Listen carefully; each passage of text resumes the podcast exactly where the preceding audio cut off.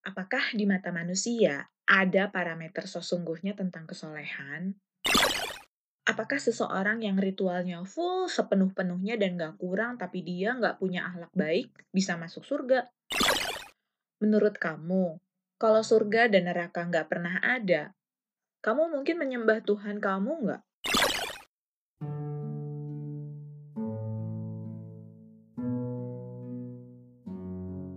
Hey, ketemu lagi sama Penny di podcast Dio Penny. Gimana kabar kamu? Sehat dong? Semoga buat kamu yang sedang sakit segera disehatkan lagi ya. Maafkan, pas Ramadan ini agak berantakan schedule tayangnya. Ritme aktivitas saya agak berubah banyak. Tapi sayanya nggak bisa menyesuaikan diri. Segmen Capris alias Ngacapruk rada serius hari ini, saya mau bahas tentang Mumpung Ramadan, terus rada keingetan sama sebuah lagu yang dulu banget hates di zamannya, pernah dinyanyikan oleh almarhum Krisya dan Ahmad Dhani. Ring a bell kah? Judulnya Jika Surga dan Neraka Tak Pernah Ada. Beberapa minggu ke belakang, saya terlibat diskusi ringan dengan teman saya yang non-muslim. Sebenarnya saya udah diwanti-wanti suami sih untuk tidak berdiskusi perkara agama dengan teman, apalagi yang berbeda agama. Mengingat ilmu agama saya cetek juga kali ya. Dan suami saya juga khawatir nanti persahabatan saya dengan teman saya yang satu itu hancur. Padahal sih sebenarnya diskusi saya sama teman saya itu topik general tentang surga dan neraka yang bukan versi masing-masing. Maksudnya benar-benar topik tentang surga dan neraka aja gitu. Seharusnya diskusi ini nggak membuat persahabatan kami bercerai-berai kan? Nah, Awalnya tuh dia cerita kalau beberapa orang di agamanya suka fanatik gak jelas. Kayak baru hafal satu ayat dari Alkitab aja udah ngerasa kayak Romo, gitu katanya. Sebagai kaum minoritas, sahabat saya ini keturunan Cina dan juga non-muslim.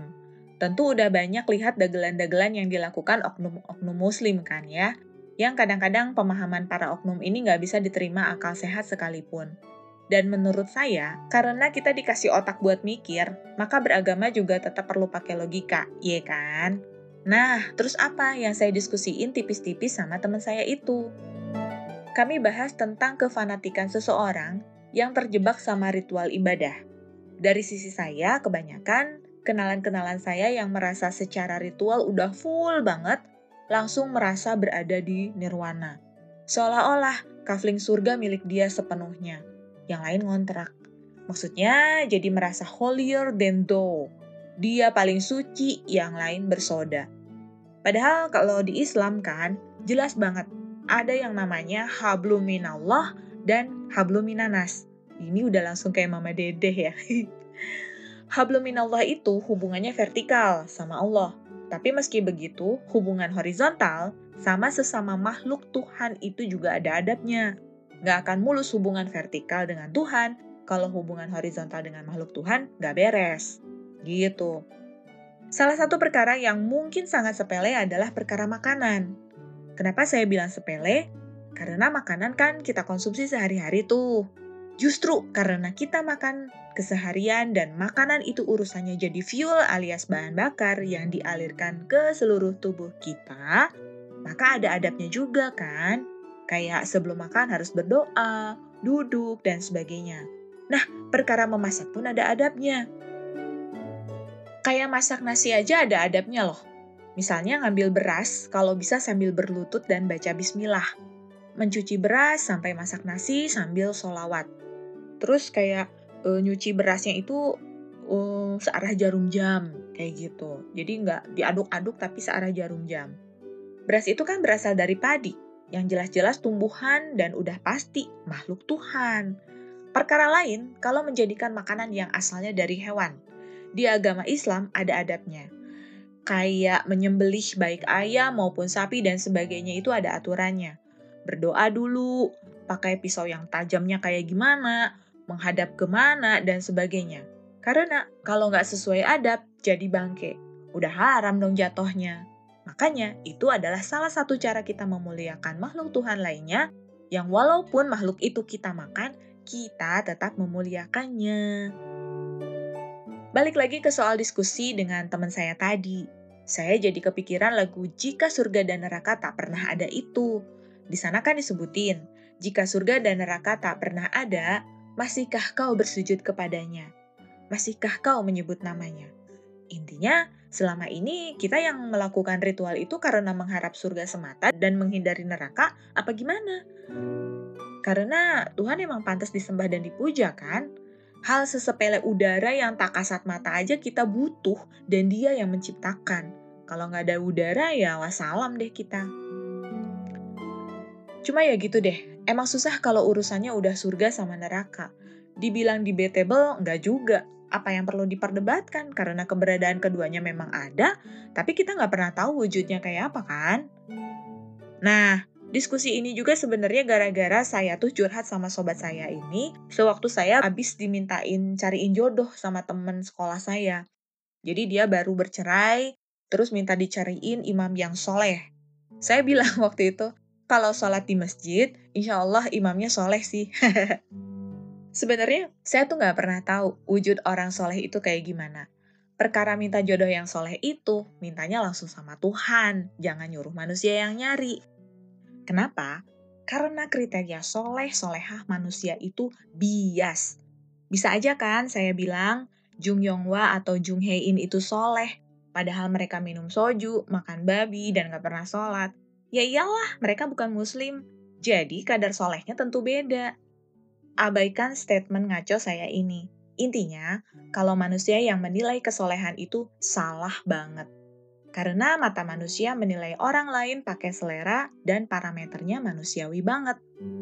Balik lagi ke jebakan ritual tadi.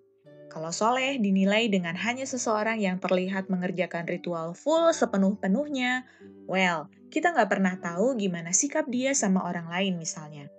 Kata-katanya nyakitin nggak? Suka menyakiti hewan nggak? Kayaknya pernah viral tuh kan, so-called ustad bunuh kucing dan anjing, Sementara image ustadz itu pasti soleh. Kalau so-called ustadz ini bunuh anjing dan kucing, masa yang kayak begitu soleh? Terus lagi, kalau kesolehan dinilai dari pakaian, yang berjubah berarti soleh. Di zaman Rasulullah Shallallahu Alaihi Wasallam, para pria berpakaian kayak pakaian yang dipakai Nabi Muhammad Shallallahu Alaihi Wasallam loh, karena memang lelaki Arab pakaiannya seperti itu kan. Tapi kan kayak Abu Jahal atau Abu Lahab misalnya, ahlaknya gimana? Mereka kan termasuk yang menentang ajaran Nabi Muhammad. Jadi, apa yang begitu yang dibilang soleh? Si, bias kan kalau manusia yang menilai kesolehan seseorang? Jadi, instead of menilai orang lain soleh atau enggak, mendingan kita fokus aja sama ahlak diri sendiri, sama kesolehan diri sendiri. Tanyain, hubungan kita sama sesama makhluk hidup udah bener atau belum? Terus hubungan kita sama Allah udah bener atau belum? Kita udah rutin jalanin ritual ibadah, tapi hati masih terasa hampa. Tanya kenapa? Karena kalau jalanin ritual sebatas gugurin kewajiban, ya emang jadi hampa.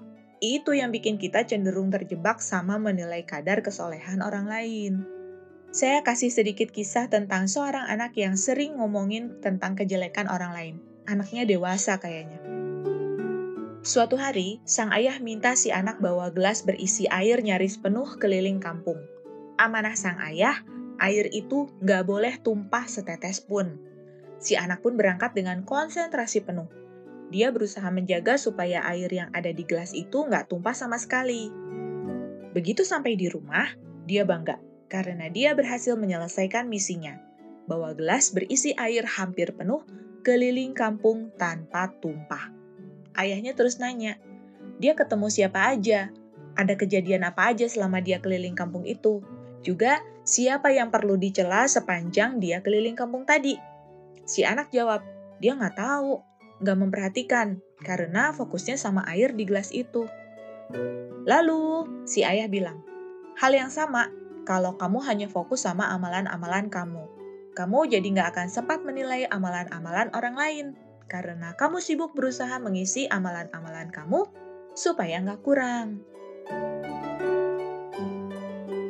Oke, sekian dulu ngacapruk saya soal The Power Song Jika Surga dan Neraka Tak Pernah Ada di segmen Capris. Semoga bermanfaat. Jangan lupa follow Instagram saya di Diopeni ya, di .au.penny.